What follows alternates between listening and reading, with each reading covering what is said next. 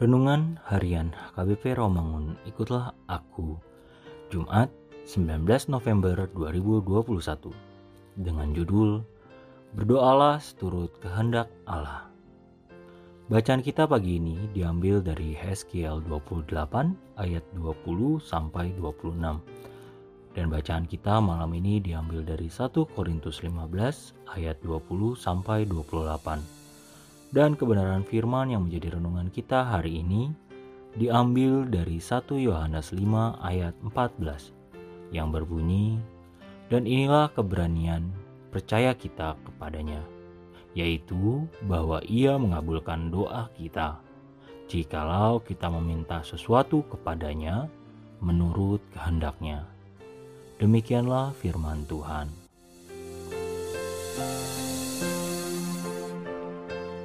Apakah kita sudah berdoa? Apa yang mendorong kita berdoa?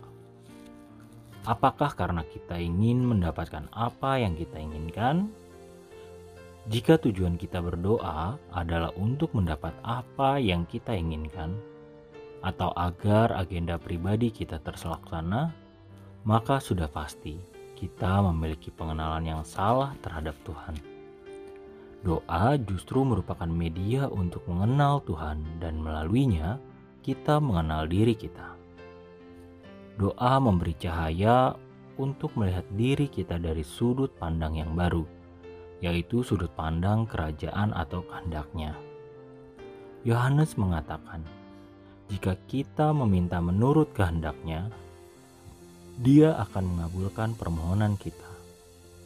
Kemudian, jika doa yang berhasil berarti berdoa menurut kehendak Allah, maka berserahlah kepada kehendaknya. Bagaimana kita tahu kehendak Allah saat kita berdoa? Kita tunduk pada kehendak Allah dan fokus pada firman Tuhan. Maka Roh Kudus mulai berdoa di dalam kita dan melalui kita.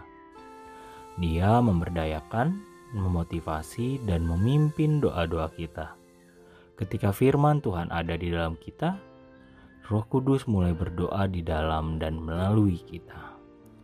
Maka kita akan mendoakan apa yang merupakan kehendak Allah.